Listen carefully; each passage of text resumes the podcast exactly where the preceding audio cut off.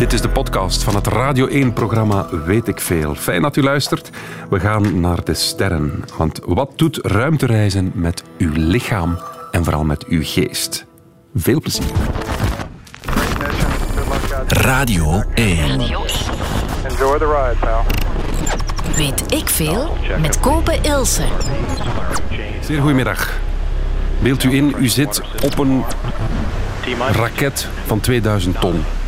Waarvan 1800 ton hoog ontvlambare vloeibare waterstof is. Ze tellen rustig af in uw oor. Je voelt gerommel onder u. Trillingen, de tanden uit je mond. En dan is het zover.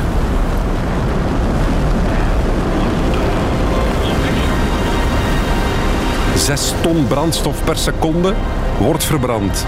Dat is 2 miljoen keer wat de gemiddelde gezinswagen verbruikt. Want je moet naar 28.000 km per uur. En je hebt daar niet zo heel veel tijd voor.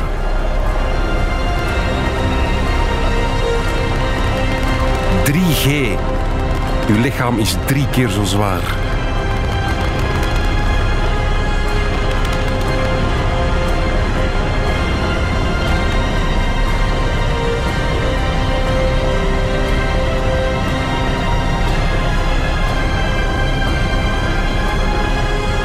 En dan, na 2 minuten en 30 seconden, die heel lang lijken te duren,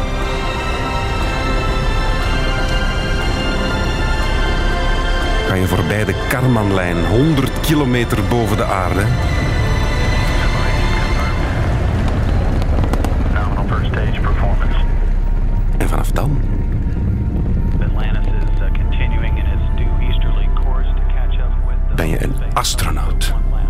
Daar gaat het vandaag over in Weet ik Veel. Over astronauten en vooral wat die grote leegte, de ruimte, met ons brein en met ons lichaam doen. Bij mij zit iemand die daar een, mag ik zeggen, boekje over geschreven heeft. Angelique van Ombergen. Kunnen wij ons inbeelden wat de lancering is? Wel, ik denk de intro die u net gaf was heel dramatisch. En Ja, wekte de dat muziek wel- mag er nog. Ja. ja, wekte dat wel een beetje op. Maar ik denk dat het heel moeilijk is om die spanning die je op dat moment moet voelen. Je kan je er misschien iets bij voorstellen, maar ik denk, ja, zo bijvoorbeeld een, een, een attractie in een pretpark. Zo die spanning die je dan hebt, maar dan waarschijnlijk maal duizend, eh, denk ik. Ja, want als je die cijfers, ik heb het wat opgezocht, 1800 ton brandstof. En jij zit daar als klein mensje bovenop en dat, dat moet een lawaai zijn, een getril zijn. Een mensenlichaam is daar denk ik niet voor gemaakt. Hè? Nee, het is zo. De mens en eigenlijk al het leven is gemaakt om op de aarde te blijven. Maar toch slagen we er best wel goed in om toch de ruimte in te gaan. En dat is op zich ook wel redelijk merkwaardig. Ehm, maar ja, natuurlijk, er gebeurt wel wat met het lichaam in de ruimte. Ja, en wat er allemaal gebeurt, dat gaan we de volgende 51 minuten te horen krijgen van Angelique van Ombergen. Heeft u nu al vragen? Laat die maar komen via de app. En anders zit u rustig neer en geniet van de lancering en de rit naar de maan onder andere. U kunt mij Philippe noemen, want ik denk dat in de, in de ruimte absoluut geen eh, protocol is. Kunt u mij zeggen wat u, wat u zi- ziet door, door het venster? Het, eh, het zicht op de aarde is echt buitengewoon. We hebben reeds eh, aurora's gezien, we hebben eh, eh, landschappen gezien over Afrika, Noord-Amerika, ook een gedeelte van Europa. Er zijn dus toch al veel bewolking voor het ogenblik, maar het is echt buitengewoon ongelooflijk om dat te zien hier vanuit de ruimte. We zijn vandaag aan het praten over astronauten, over ruimtereizen. Met Angelique van Omberg heeft daar een eh, boekje over geschreven.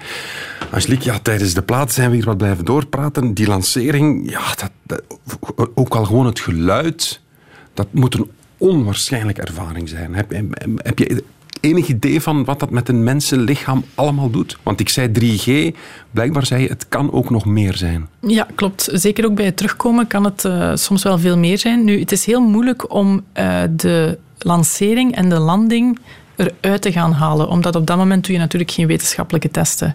En dat is een van de moeilijke aspecten die we hebben met ruimtevaartsonderzoek. Wij testen astronauten voor, tijdens en na.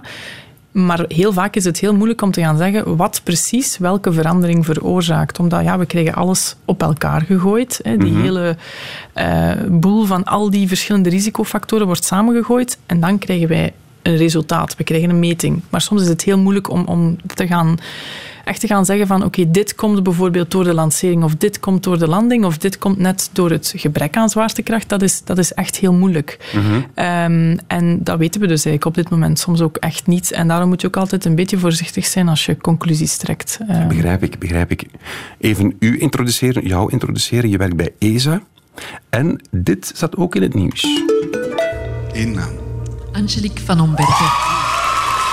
Angelique van Ombergen dus heeft de PhD Cup gewonnen. Een prijs voor jonge wetenschappers die als opdracht hadden om hun onderzoek zo duidelijk mogelijk uit te leggen aan een breed publiek. De winnares onderzoekt het effect van ruimtereizen op de hersenen van astronauten. Wel, dat ze dat maar eens probeert uit te leggen dan. Voilà, en daarom ben je hier vandaag. Hè? Wat was het, die PhD Cup? Eh, het is eigenlijk een, een wedstrijd voor eh, jonge doctorandi, dus mensen die net een eh, doctoraat hebben afgerond, om een onderzoek dat soms heel complex is, eigenlijk in een pitch van drie minuten zo helder mogelijk uit te leggen aan een Ah, ja, groot publiek. Dus je, je kreeg daar ook een hele training voor, onder andere op de VRT, schrijftraining, coaching. En dan ja, was het de grote finale en dan kreeg je drie minuten om, om je onderzoek over te brengen. Eh, en het was, het was heel, een heel leuke ervaring, moet ik Dat zeggen. begrijp ik, dat begrijp ik. Vandaag hebben we zo'n 50 of toch zeker nog ja. 45 minuten om alles uit te leggen. Dus dat is goed. Hè? Dus jouw thesis ging echt ook over dat, dat ruimtereizen. Ja, dus eh, tijdens mijn doctoraat heb ik eh, onderzocht, en dat onderzoek loopt eigenlijk momenteel nog verder, om te kijken hoe het brein van astronauten zich aanpast. Dus we hebben hersenscans gedaan, MRI-scans, voor en na de ruimte, want we kunnen dat niet in de ruimte doen, om te kijken hoe het brein zich aanpast, zowel de anatomie van het brein, de opbouw ervan, maar ook functioneel. Hoe functioneert het brein? Hoe gaan bepaalde hersenregio's misschien anders met elkaar samenwerken na die ruimtereis? Ehm, dat hebben we dus gedaan bij Russische cosmonauten. Eh, dus we, we gingen dan naar Moskou voor de hersenscans te doen. En wat we gezien hebben, en zoals ik zei, het onderzoek loopt momenteel nog verder, is dat er zowel in de grijze stof, dat zijn eigenlijk de bouwstenen van de hersenen, de witte stof, dat zijn zal maar zeggen, de informatiebanen waar alle informatie doorloopt. En dan de, de vloeistof in de hersenen, dat er daar toch grote verschillen zijn. We zien vooral na een ruimtereis zien we een afname in grijze stof. En met afname bedoel ik niet zozeer dat die grijze stof weggaat, maar misschien dat die mogelijk een beetje wordt samengedrukt. En we zien meer eh, hersenvloeistof. Eh, en dat kan mogelijk gevolgen hebben, onder andere op het zicht van astronauten. Op het zicht. Ja, ehm, omdat we weten dat astronauten die gedurende langere tijd de ruimte ingaan, dat zij visuele problemen krijgen, dus problemen met het zicht. Eh, en op basis van onze onderzoeken, maar ook onderzoeken die bij NASA al gebeurd zijn, lijkt er daar toch een, een heel groot verband tussen. En dat is natuurlijk wel belangrijk, omdat ja, stel dat je naar Mars gaat, eh, twee, drie jaar ben je weg, dan kan je je niet permitteren dat astronauten eh, ja, hun zicht zodanig achteruit gaat dat ze niet meer zouden kunnen functioneren. Want dat vroeg ik mij al af. Waarom wordt dat zo zwaar onderzocht? Maar ja, natuurlijk. Stel dat we met z'n allen moeten verhuizen omdat we het hier zo naar de knoppen hebben geholpen. Ja, dan moeten we wel weten wat de ruimte met ons lichaam doet. Of ben ik nu rare dingen aan het zeggen? Nee, maar ik hoop altijd dat het, eh, het- ik hoop altijd dat de insteek om aan ruimtevaart te doen niet is omdat we het hier naar de knoppen eh, geholpen hebben. Ik vind het altijd een beetje moeilijk om dat te aanvaarden. Ehm, maar het is wel zo dat we natuurlijk, eh, we willen die missies voorbereiden, omdat we daar ook heel veel wetenschappelijke kennis die we momenteel nog niet hebben kunnen opdoen. Eh, niet alleen voor, voor de mens, maar, maar ook voor ja, hoe is het leven ontstaan, hoe is het heelal ontstaan, hoe staat alles in relatie met elkaar. Ehm, maar dan moeten we natuurlijk wel zorgen dat die mensen zo gezond mogelijk kunnen blijven. Dus dat biomedisch onderzoek is enorm belangrijk eh, om, om te kunnen doen. Om ervoor te zorgen dat je gezonde astronauten hebt als ze de ruimte ingaan. Dat ze zo gezond mogelijk blijven als ze in de ruimte zijn, maar ook dat ze zo gezond mogelijk terugkeren. Ik denk dat dat een heel belangrijk aspect is dat we zeker ook niet uit het oog mogen verliezen. En kan je dan met die, met die eerste bevindingen van ja, die grijze massa is afgenomen, dat, dat hersenvocht neemt toe, kan je daaruit concluderen dat ruimtereizen gevaarlijk is of ongezond is? Nu, ik denk dat er niemand is die denkt dat ruimtereizen gezond is. Hè. Dat Oké, is, dat is niet goed. Het is, mensen zijn er niet voor gemaakt. Maar ik wil wel de kanttekening ook maken dat we er best wel goed in slagen om die astronauten op een goed niveau de ruimte in te krijgen en hen ook op een heel goed niveau terug, terug te krijgen. Hè. Want Dus- dat, je zegt ze verliezen zicht of ze zouden zicht kunnen verliezen. Is dat dan, het moment dat die terug op aarde komen, herstelt zich dat dan? Wel, dat is iets wat we momenteel nog niet weten. eh, ja, omdat we hebben nu opgevolgd tot zeven, gemiddeld zeven maanden na de ruimtevlucht. Op dat moment zien we nog dat die verandering nog niet volledig gerecupereerd zijn, als ik het zo mag zeggen. Maar we weten niet, misschien na een jaar wel. We weten bijvoorbeeld de botten, hè, die, gaan, die gaan ook eh, die gaan iets zwakker worden in de ruimte. Maar we weten dat dat wel herstelt, maar dat dat soms enkele jaren tijd nodig heeft om te herstellen. Dus om dat te weten moet je natuurlijk gedurende lange tijd onderzoek doen. Dus dat is een onderzoek dat, dat heel lang loopt. En ik wil daarbij ook de kanttekening maken dat we natuurlijk heel gevoelige meetmethodes gebruiken. Hè. Dus we kunnen soms heel kleine veranderingen van 1% kunnen wij eigenlijk in kaart brengen. En ik vergelijk dat altijd een beetje met stel dat mijn arm morgen 1 mm korter wordt. Als we de juiste meetmethode hebben, gaan we dat perfect in beeld kunnen brengen.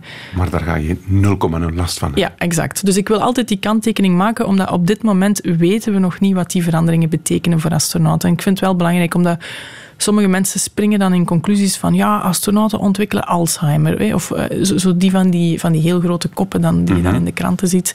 Ehm, en dat vind ik toch wel een stap te ver. Eh, dus daar, Dat kunnen we nu nog niet zeggen. nee, dat kunnen we nu absoluut Maar het nog zou niet wel zeggen. kunnen, want er is wel degelijk een effect op de hersenen. Er is degelijk een, een meetbaar effect. Wat het betekent voor de astronauten, dat weten we op dit moment nog niet. En dat moeten we nu onderzoeken natuurlijk. Want we zien heel veel veranderingen in de ruimte. Maar soms zijn dat gewoon aanpassingen die ook goed zijn om, om beter te kunnen functioneren in de ruimte. We moeten gewoon zeker weten dat het niets is dat we niet willen of dat ongezond kan zijn. En dat is heel belangrijk. Maar dat is onderzoek dat in fases gebeurt. Hè. Eerst kijk je wat er gebeurt.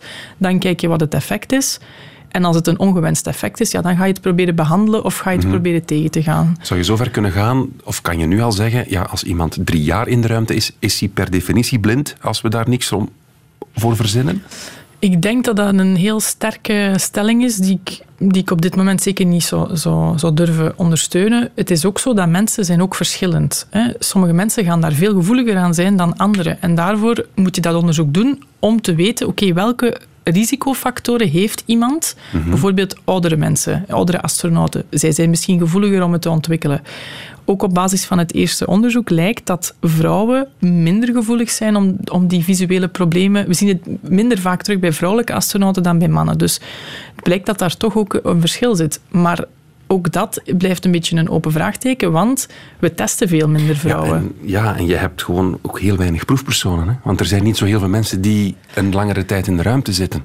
Exact. Dus er zijn heel veel ja, moeilijkheden die inherent zijn aan het ruimtevaartsonderzoek, waar we, ja, waar we rond moeten werken eigenlijk. En dat maakt het soms moeilijk om sterke conclusies te trekken. Ja, ja, snap ik, snap ik. Ken je Chris Hadfield toevallig, een astronaut, Ja. Canadees?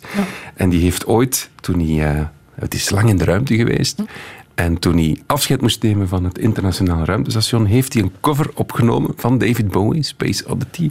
En dat, eh, dat klinkt bijzonder, bijzonder goed. Hij zit dus echt, hij heeft er ook een videoclip, kan je terugvinden op YouTube bij. En hij zingt het.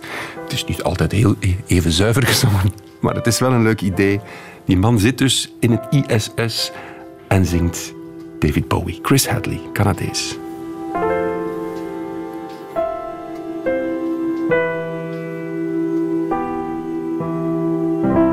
Ground control to Major Tom.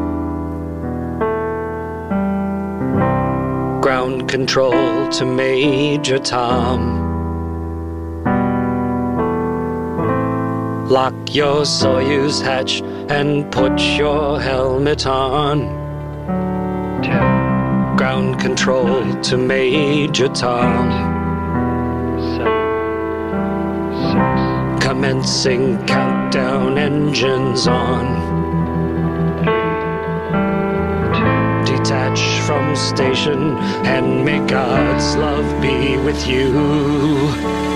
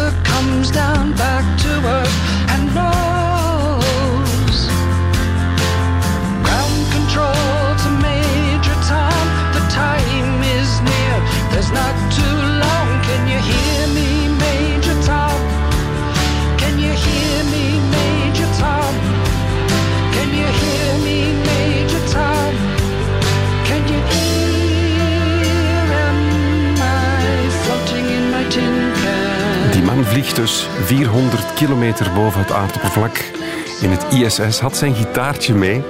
En op 12 mei 2013, hij had net het commando overgegeven, heeft hij dus dit ingezongen of gespeeld. En trouwens, je kan het zien op eh, YouTube, al meer dan 45 miljoen keer bekeken. En het is trouwens ook nog een zaak geweest, want er was iets te doen over auteursrecht.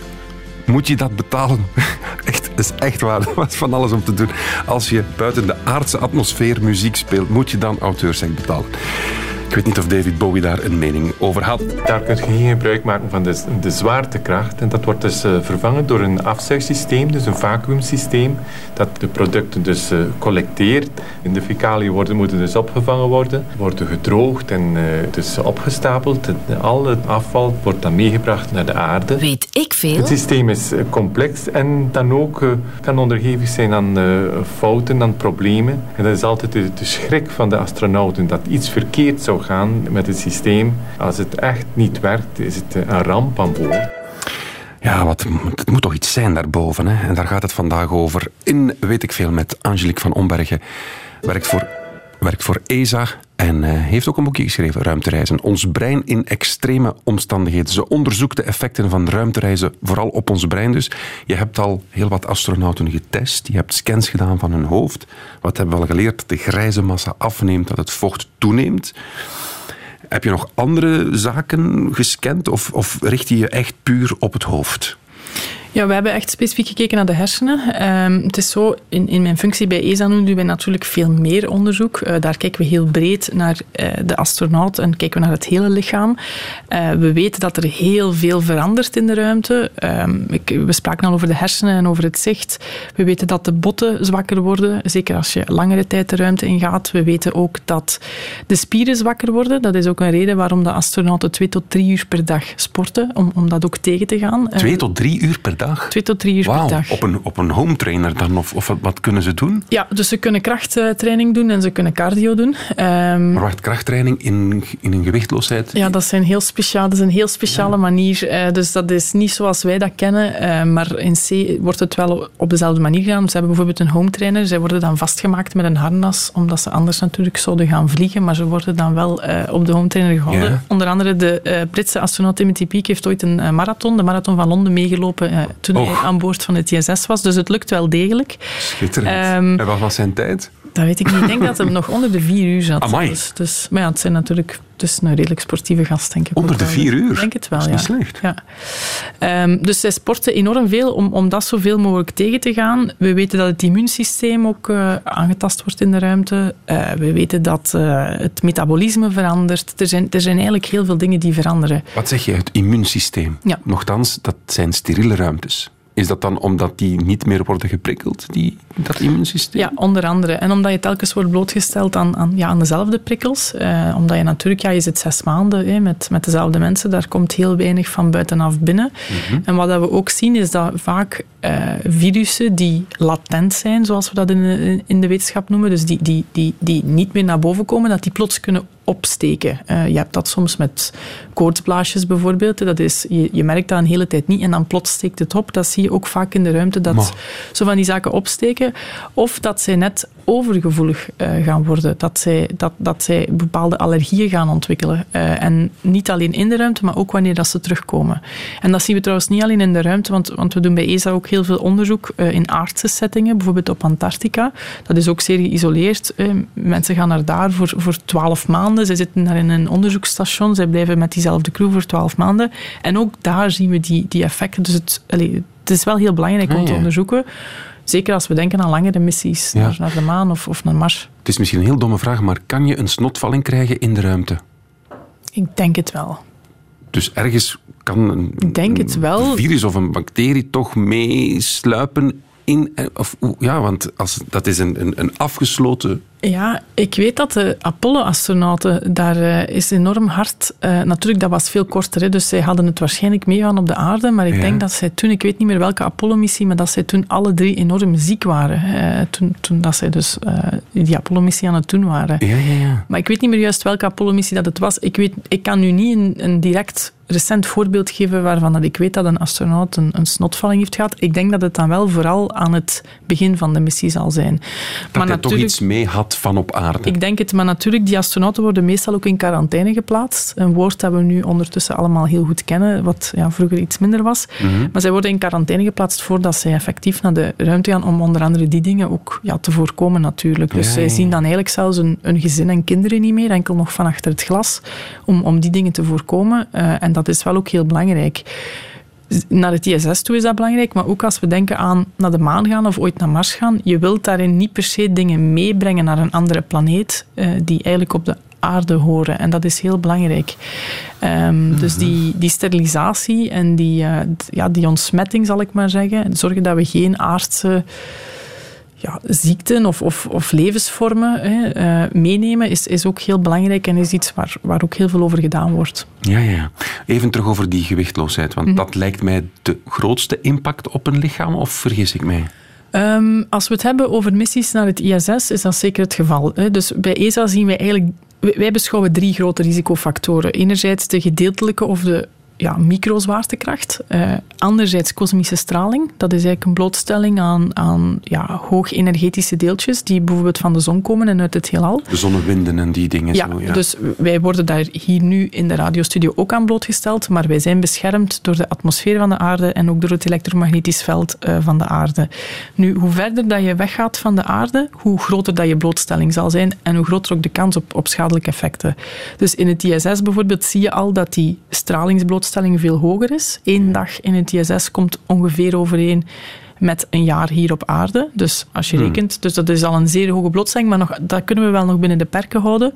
Maar vooral wanneer we naar Mars of naar de maan zouden gaan, zal die blootstelling veel hoger zijn en zal ze waarschijnlijk ook veel langer zijn. En dan, dat is een heel groot probleem waar we nu heel veel onderzoek ook op richten, omdat dat echt een, een mogelijke ja, showstopper is om, om die missies te kunnen doen. En, en hebben we het dan over die, die zonnedeeltjes die kankers veroorzaken? Of, of die, zijn dat radioactieve dingen? Of, of wat, moet- wat moet ik me daarbij voorstellen? Ja, dus ze kunnen effectief eh, stralingsgevoelige kankers ontwikkelen. Denk maar aan longkanker, schildklierkanker, borstkanker. En, en vrouwen zijn daarin ook iets gevoeliger dan, dan mannen bijvoorbeeld. Maar ze kunnen ook echt weefsel gaan aantasten. Ze kunnen ervoor zorgen dat, eh, ja, dat, dat het, eh, het hart bijvoorbeeld, dat er een soort van degeneratie gebeurt, dat die, dat die spier gaat. Dus, dus het is heel serieus. Het is echt een heel groot gezondheidsprobleem waar we op dit moment nog niet eigenlijk heel veel over weten. Omdat we kunnen dat heel moeilijk op aarde testen, tenzij bij bepaalde patiënten die straling eh, ondergaan, maar Mhm. dat is ook nog op een andere manier.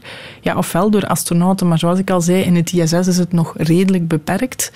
Eh, dus we moeten daarvoor echt ofwel naar dier- en, en plant- en celonderzoek gaan, ofwel moeten we echt die missies bijvoorbeeld naar de maan aanvatten om dan echt die stralingspatronen, zal ik maar zeggen, in, in kaart te gaan brengen en daarvan dan te gaan kunnen inschatten van oké, wat is nu de impact op de mens? Ja. En er was nog een derde ding, hè? want je zei het, eh, het gebrek aan zwaartekracht, de straling. En wat is het derde? Het derde is eigenlijk alles wat wij psychosociale factoren noemen. Dus alles psychologisch. Dus isolatie, je zit ver weg van, van vrienden en familie. Je zit gedurende verschillende maanden in een ruimte opgesloten. Ook weer iets opnieuw, iets waar wij ons heel weinig bij kunnen voorstellen in normale omstandigheden. Ik denk na de pandemie, of allee, de pandemie die nog bezig is, Ja. kunnen we er ons iets meer bij voorstellen. Maar ja, je ging wel nog gewoon naar buiten om naar de winkel te gaan. Je, ja, de ruimte Ja. is de ruimte. Hè? Je kan niet even een luchtje scheppen. Nee, exact. Eh, dus, dus dat zijn toch factoren die, die heel belangrijk zijn. In het ISS is dat zeker ook aanwezig, maar is dat beperkt. Het ISS staat in dagelijkse communicatie met de, met de, met de aarde. Zij spreken echt op regelmatige basis met ground control, zoals we daarnet ook al hoorden in het nummer. Eh, maar, maar ook met familie en vrienden. Nu, eh, als we missies naar de maan aanvatten opnieuw of, of naar Mars, dan zal die communicatie veel minder zijn. Eh, In het geval van Mars zal er ook een communicatievertraging zijn. Zullen er periodes zijn dat er geen communicatie is. En je hebt dan ook de afstand tot de aarde. Hè. Dus het is ook psychologisch, speelt dat heel erg mee. Astronauten die nu in het ISS zitten, die kijken naar de aarde, zoals we daarnet Dirk Freeman ook hoorden zeggen. Dat 400 kilometer is dat hè, ongeveer? ja, 400 kilometer. Dat is eigenlijk niet zo ver. Hè. Als je naar Spanje rijdt, dan ben je eigenlijk langer... Alleen ben je verder. 400 kilometer, wat is dat? Dat is Parijs? Ja. Nee, dat is ja, iets onder Parijs. Ja, dus dat is eigenlijk niet, niet, niet zo heel ver. Ehm, maar als je denkt dat je naar Mars gaat, ja, dan wordt de aarde letterlijk een minuscule stip eh, die je nog ergens in de lucht kan zien. Ja, ja, ja, dus op een bepaald moment kijk je buiten en waar je altijd die blauwe bol zag, zie je nu gewoon het grote zwarte gat. Ja, dus je hebt letterlijk de afstand, Oh, ja. maar ook emotioneel heb je die afstand. En dat kan natuurlijk, ja, dat kan echt wel op het gemoed spelen. Een andere factor die heel vaak niet wordt, eh, die heel vaak vergeten wordt, is, is verveling. Ehm, stel dat je onderweg bent naar, naar Mars, dat is zes tot acht maanden. Je moet je inbeelden, dat is zoals dat je een roadtrip doet naar Spanje. Dat is meestal niet het leukste, hè, zo in een auto zitten. En Wel ja. En een keer, een keer stoppen voor een snoepje in een tankstation. maar dat kan je dus niet doen dan als je onderweg bent naar Mars. Eh, en die rit duurt dan wel zes tot acht maanden en geen zes tot acht uur. Oh, en ook met mensen die je zelf niet gekozen hebt, maar je bent samengesteld in een groep. Dus, maar ja, bon, het zullen wel... Ja, dat wordt toch op getraind, denk ik, op, op die groepsdynamieken. Je gaat toch mensen samenzetten die elkaar wat begrijpen. Of ik neem aan dat ESA daar toch mee bezig is van als je een missie doet, breng mensen bij elkaar die overeenkomen. Absoluut, maar het is heel moeilijk om op voorhand soms in te schatten wat toch die factoren gaan Ja, ja, doen. ja. Ehm, dus uh, dus dat, dat, is heel moeilijk om in te schatten. Ik denk dat uh, heel veel ruimtevaartagentschappen heel graag zouden weten wat de perfecte mix is, maar dat, dat weten we niet altijd. Mhm. En zeker als je denkt, bijvoorbeeld zes tot acht maanden onderweg. Ik denk eens als ze op Mars zijn, heb je natuurlijk, ja, dan moeten ze allerlei wetenschap doen en ze gaan daar echt bezig zijn, dan gaat de tijd ook veel sneller. Maar gewoon onderweg zijn naar ergens, ja, je hebt heel weinig activiteit, mm-hmm. dus dan kan die verveling echt enorm parten spelen. We hoorden daarnet een fragment van Dirk Vriemhout over het apparaat hè, om, om naar het toilet te gaan. Het is misschien een rare vraag, maar wordt er, wordt er ook iets voorzien ter, als, als iemand, een seksuele drift is ook een drift van een mens. Mm-hmm. Is er al gemasturbeerd in het ISS? Ik zou de vraag niet durven beantwoorden, want ik weet het niet, maar ik zou veronderstellen van wel. Ja, maar dat, je moet daar toch wel ergens mee naartoe dan? Ja, ik zou het niet weten. Ik kan er echt oprecht geen nee, antwoord op dat geven. is nu toch iets, als je zegt, ja, we zijn zeer hard bezig met het psychologische effect... Ja. Dan lijkt mij dat toch iets om eens over na te denken. Ja, we zijn nu ook een studie aan het doen die kijkt naar de seksualiteit uh, Mhm. van mensen die gedurende lange tijd uh, ja, weg zijn. Uh, onder andere op Antarctica kijken we ernaar. Dat Ja. is, maar dat is een redelijk, een zeer niche veld, hè, omdat het een zeer sensitief ja, onderwerp is. Mensen spreken daar niet altijd graag over. Um, ja, dus, dus ik kan, er is zeker nog niet heel veel onderzoek naar gedaan. Mhm. Maar dat begint nu wel een beetje te komen, zeker aan de Europese kant. En dat is wel gigantisch belangrijk. Uh, ja, niet, niet alleen de seksuele drift, maar ook ja, relaties die bijvoorbeeld vormen in een crew. Uh, wat geeft dat als dynamiek? Want dat verstoort de dynamiek Is enorm. dat al gebeurd? Is er al gevreden in de ruimte? Ja, ook dat. Ik eh, kan er niet op antwoorden. Eh, maar het is wel zo dat we, we, we zetten soms ook isolatiestudies op. Eh, dat zijn simulaties. We bootsen de, een ruimtereis na. We gaan mensen opsluiten, als het ware, gedurende lange tijd. Eh, en daar is wel al voorgevallen dat je bijvoorbeeld een crew hebt, waarbij, denk ik, toen was er één vrouw en twee mannen waren verliefd op diezelfde vrouw. Oeh, drama. Dat geeft natuurlijk heel veel spanning. Dat geeft op aarde heel veel spanning, maar dan heb je nog hè, de afstand, eh, je kan weg van elkaar en zo verder. Als je dan opgesloten zit, gedurende maandenlang, dat kan een enorme spanning geven die ervoor zorgt dat je, dat je missie ja, geen succes wordt.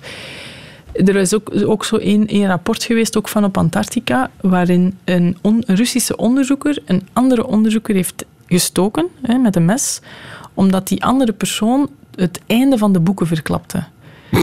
Dus die las een boek.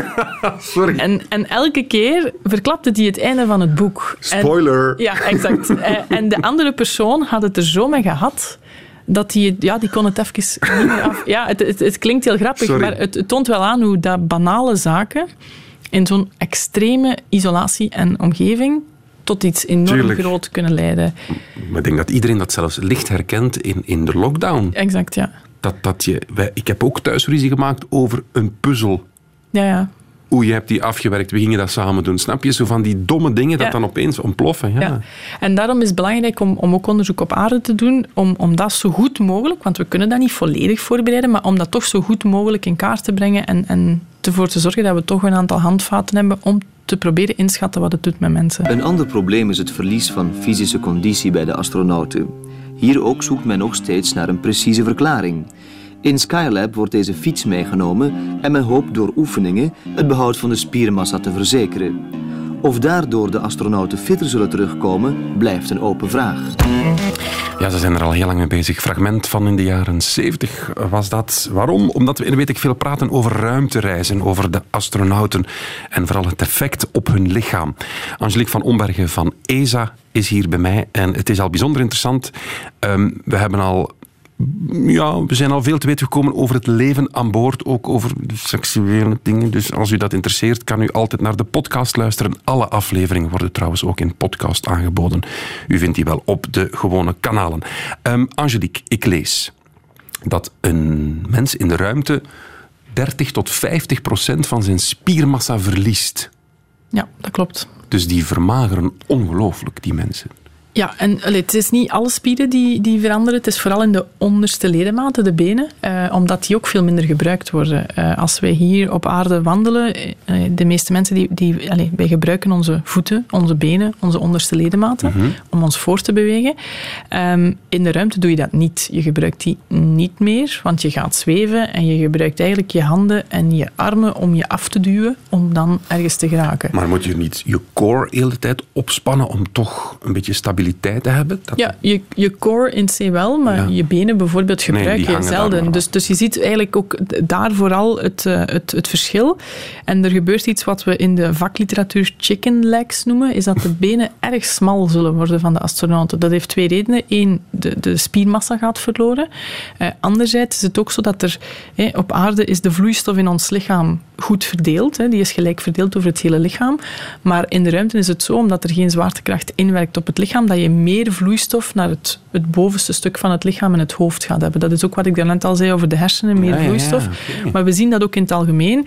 Dus die, de bloed eigenlijk gaat ook nog eens een beetje weggetrokken worden uit de benen. Dus je ziet, astronauten hebben meestal een zeer opgeblazen hoofd en zeer dunne benen, chicken legs, eh, zoals, zoals we dat zeggen. Dus hier op aarde, ons lichaam gebruikt ook de- zwaartekracht om, om bloed tot in onze tenen te krijgen.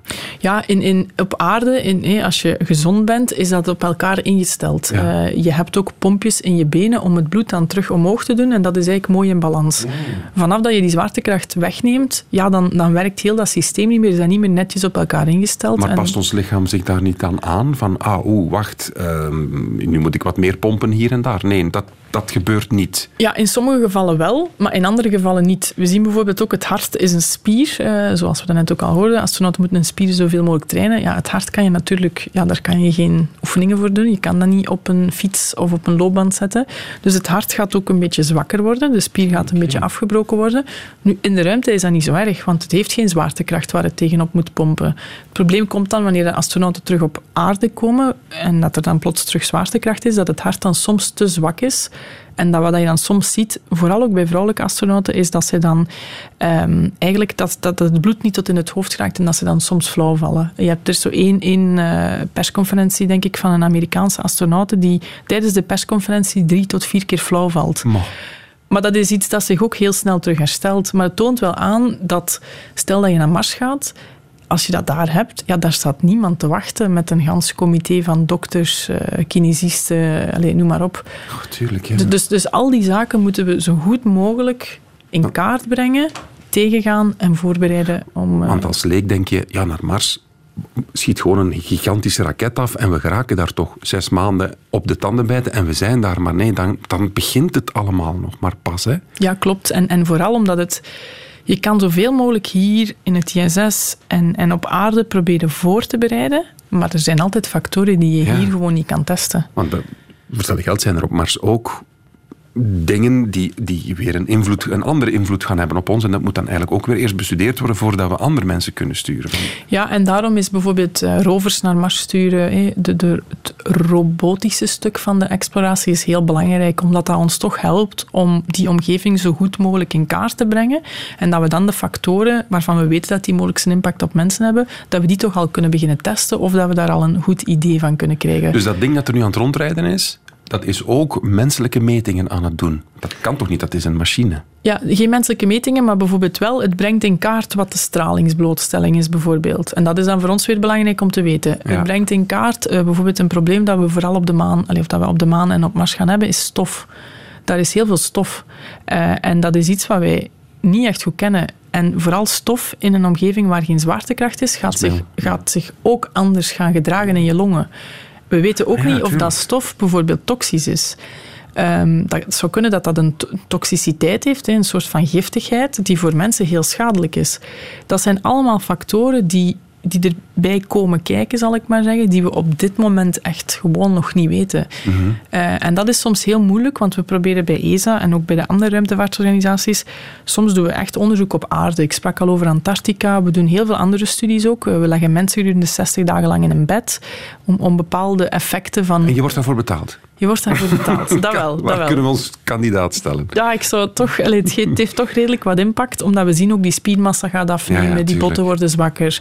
Ehm, we kantelen het bed ook 6 graden naar beneden om die meer vloeistof naar het hoofd eh, te, allee, te En die mensen moeten daar gewoon in blijven liggen. Ja, 60 dagen lang eten, slapen, wassen. Zij doen alles eigenlijk in dat bed. Ehm, en wij doen dan testen. Maar dat is voor ons wel... Wij kunnen op, korte man, allee, op een korte tijd kunnen wij op een heel goede manier ook heel veel onderzoek doen die ons helpt voor het ruimtevaartonderzoek. tuurlijk. tuurlijk. Maar sommige factoren kan je gewoon niet nabootsen op aarde. Ehm, en dat, dat maakt het heel moeilijk. De tijd is eh, genadeloos. Ik, ik ga twee reacties van luisteraars, waarvoor dank. Bijvoorbeeld nog over die masturbatie. Sophie van de Weert zegt... Lieven Scheire heeft er in de podcast Nerdland heeft het er al over gehad. Ja, er is al gemasturbeerd in de ruimte. Voilà, dat is bij deze rechtgezet. En dan nog Thomas Lyon, ik weet niet of je kan antwoorden. Zal artificiële zwaartekracht, zoals we dat al gezien hebben in de film, een ruimtetuig dat zo snel rond de as draait, dat er een soort middelpunt Ja. vliegende kracht ontwikkeld wordt, waardoor er zwaartekracht zou kunnen gegenereerd worden in de ruimte. Ja. Dat is het idee, dacht ik. Hè? Ja, klopt. Ehm, wij testen bij ESA niet zozeer de artificiële zwaartekracht van het hele ruimtetoestel, omdat dat is heel, dat, dat is heel moeilijk en dat kost gigantisch veel geld. Wat wij wel testen is een eh, menselijke centrifuge, waarop dat je dan kan gaan zitten en dat je dan de rondjes draait. Dat is bijvoorbeeld een onderzoek dat wij nu heel actief doen in die bedruststudies waar ik het net over had, waarbij we dan een groep pakken van die mensen en dat wij die dan een half uurtje op die centrifuge zetten, om dan eigenlijk zwaartekracht eh, op te bootsen en te zien wat dat doet. Nu, Half uur rondjes draaien. ja, een half uur rondjes draaien. En we hebben nu studies eh, die eraan komen in Toulouse en in Slovenië, waarbij dat we dat ook nog gaan combineren met dan sport op de centrifuge. Dus je wordt dan rondgedraaid en je gaat dan ofwel fietsen Ja, man. Ofwel ga je dan bepaalde squats en, en noem maar op doen op, op de centrifuge.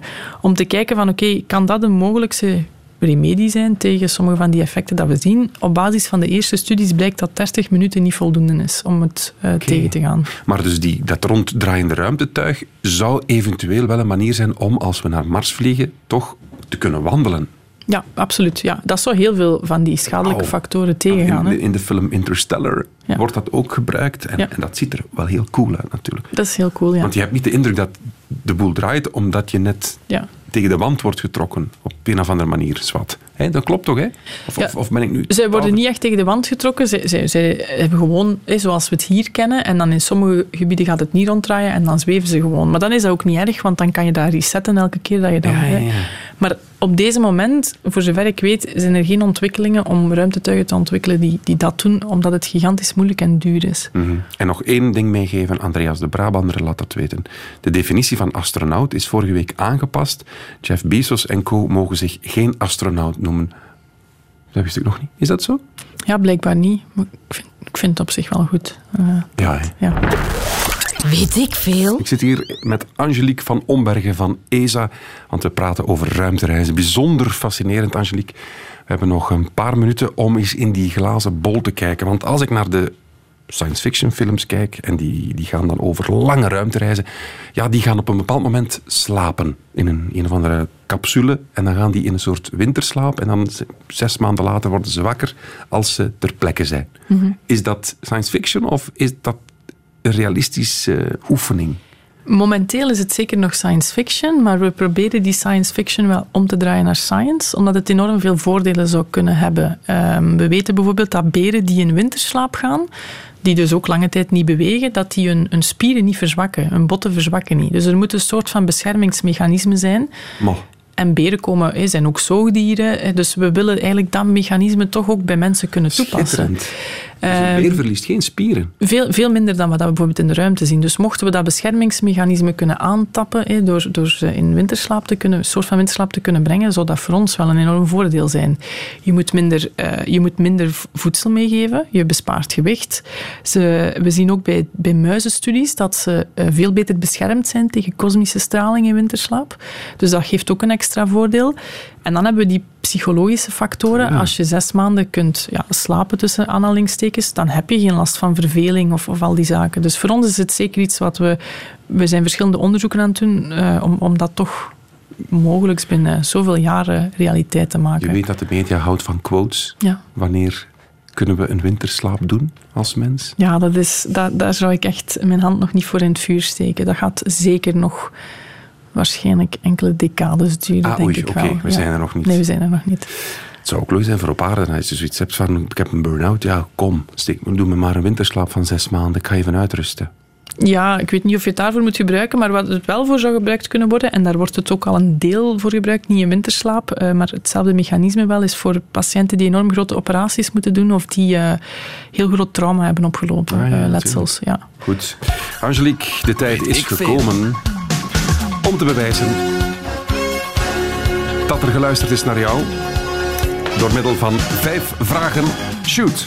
Oké, één dag in het ISS komt overeen met hoeveel kosmische straling op de aarde? Eén dag, één jaar, dacht ik. Ja, klopt. Dus je krijgt de straling van één jaar binnen op één dag in de Ja, ongeveer, ja. Ja. Oké, tweede vraag. Aan welke sportwedstrijd nam de Britse astronaut Timothy Peake deel toen hij in de ruimte was? Dat vond ik een mooi verhaal. Onder de vier uur liep hij mee de marathon van Londen. Ja, ja die vier uur, ik weet niet zeker. Ah, Ja, de marathon Dat van Londen klopt. Ja. Oké, goed. Eh, derde vraag. Wat zijn chicken legs? Eh, wacht, chicken legs. Dat, ah ja, ehm, astronauten die terug naar de aarde komen, die hebben heel dunne beentjes, want het vocht wordt in het bovenste deel van het lichaam wat vastgehouden, omdat de zwaartekracht weg is. Zoiets? Ja, klopt. Zoiets, ja. Hey, leuk. Oké, op hoeveel afstand ongeveer van de aarde bevindt het ISS zich? 400 kilometer. Ja, klopt. We gaan voor de vijf op. Ja, goed bezig. En dan de laatste. Hoe lang ben je ongeveer onderweg naar Mars? Eh, zes à zeven maanden? Ja, zes tot acht maanden. Mag het? Ja, het mag, ja. Het is vrijdag. Oh, met vijf op vijf het weekend in. Dat komt vooral dankzij de vakkundige uitleg van Angelique van Ombergen. Radio 1. Weet ik veel? Dit is het einde van deze podcast van Weet ik Veel. Weet ik Veel is trouwens een programma van Radio 1. Op radio1.be vindt u nog veel meer.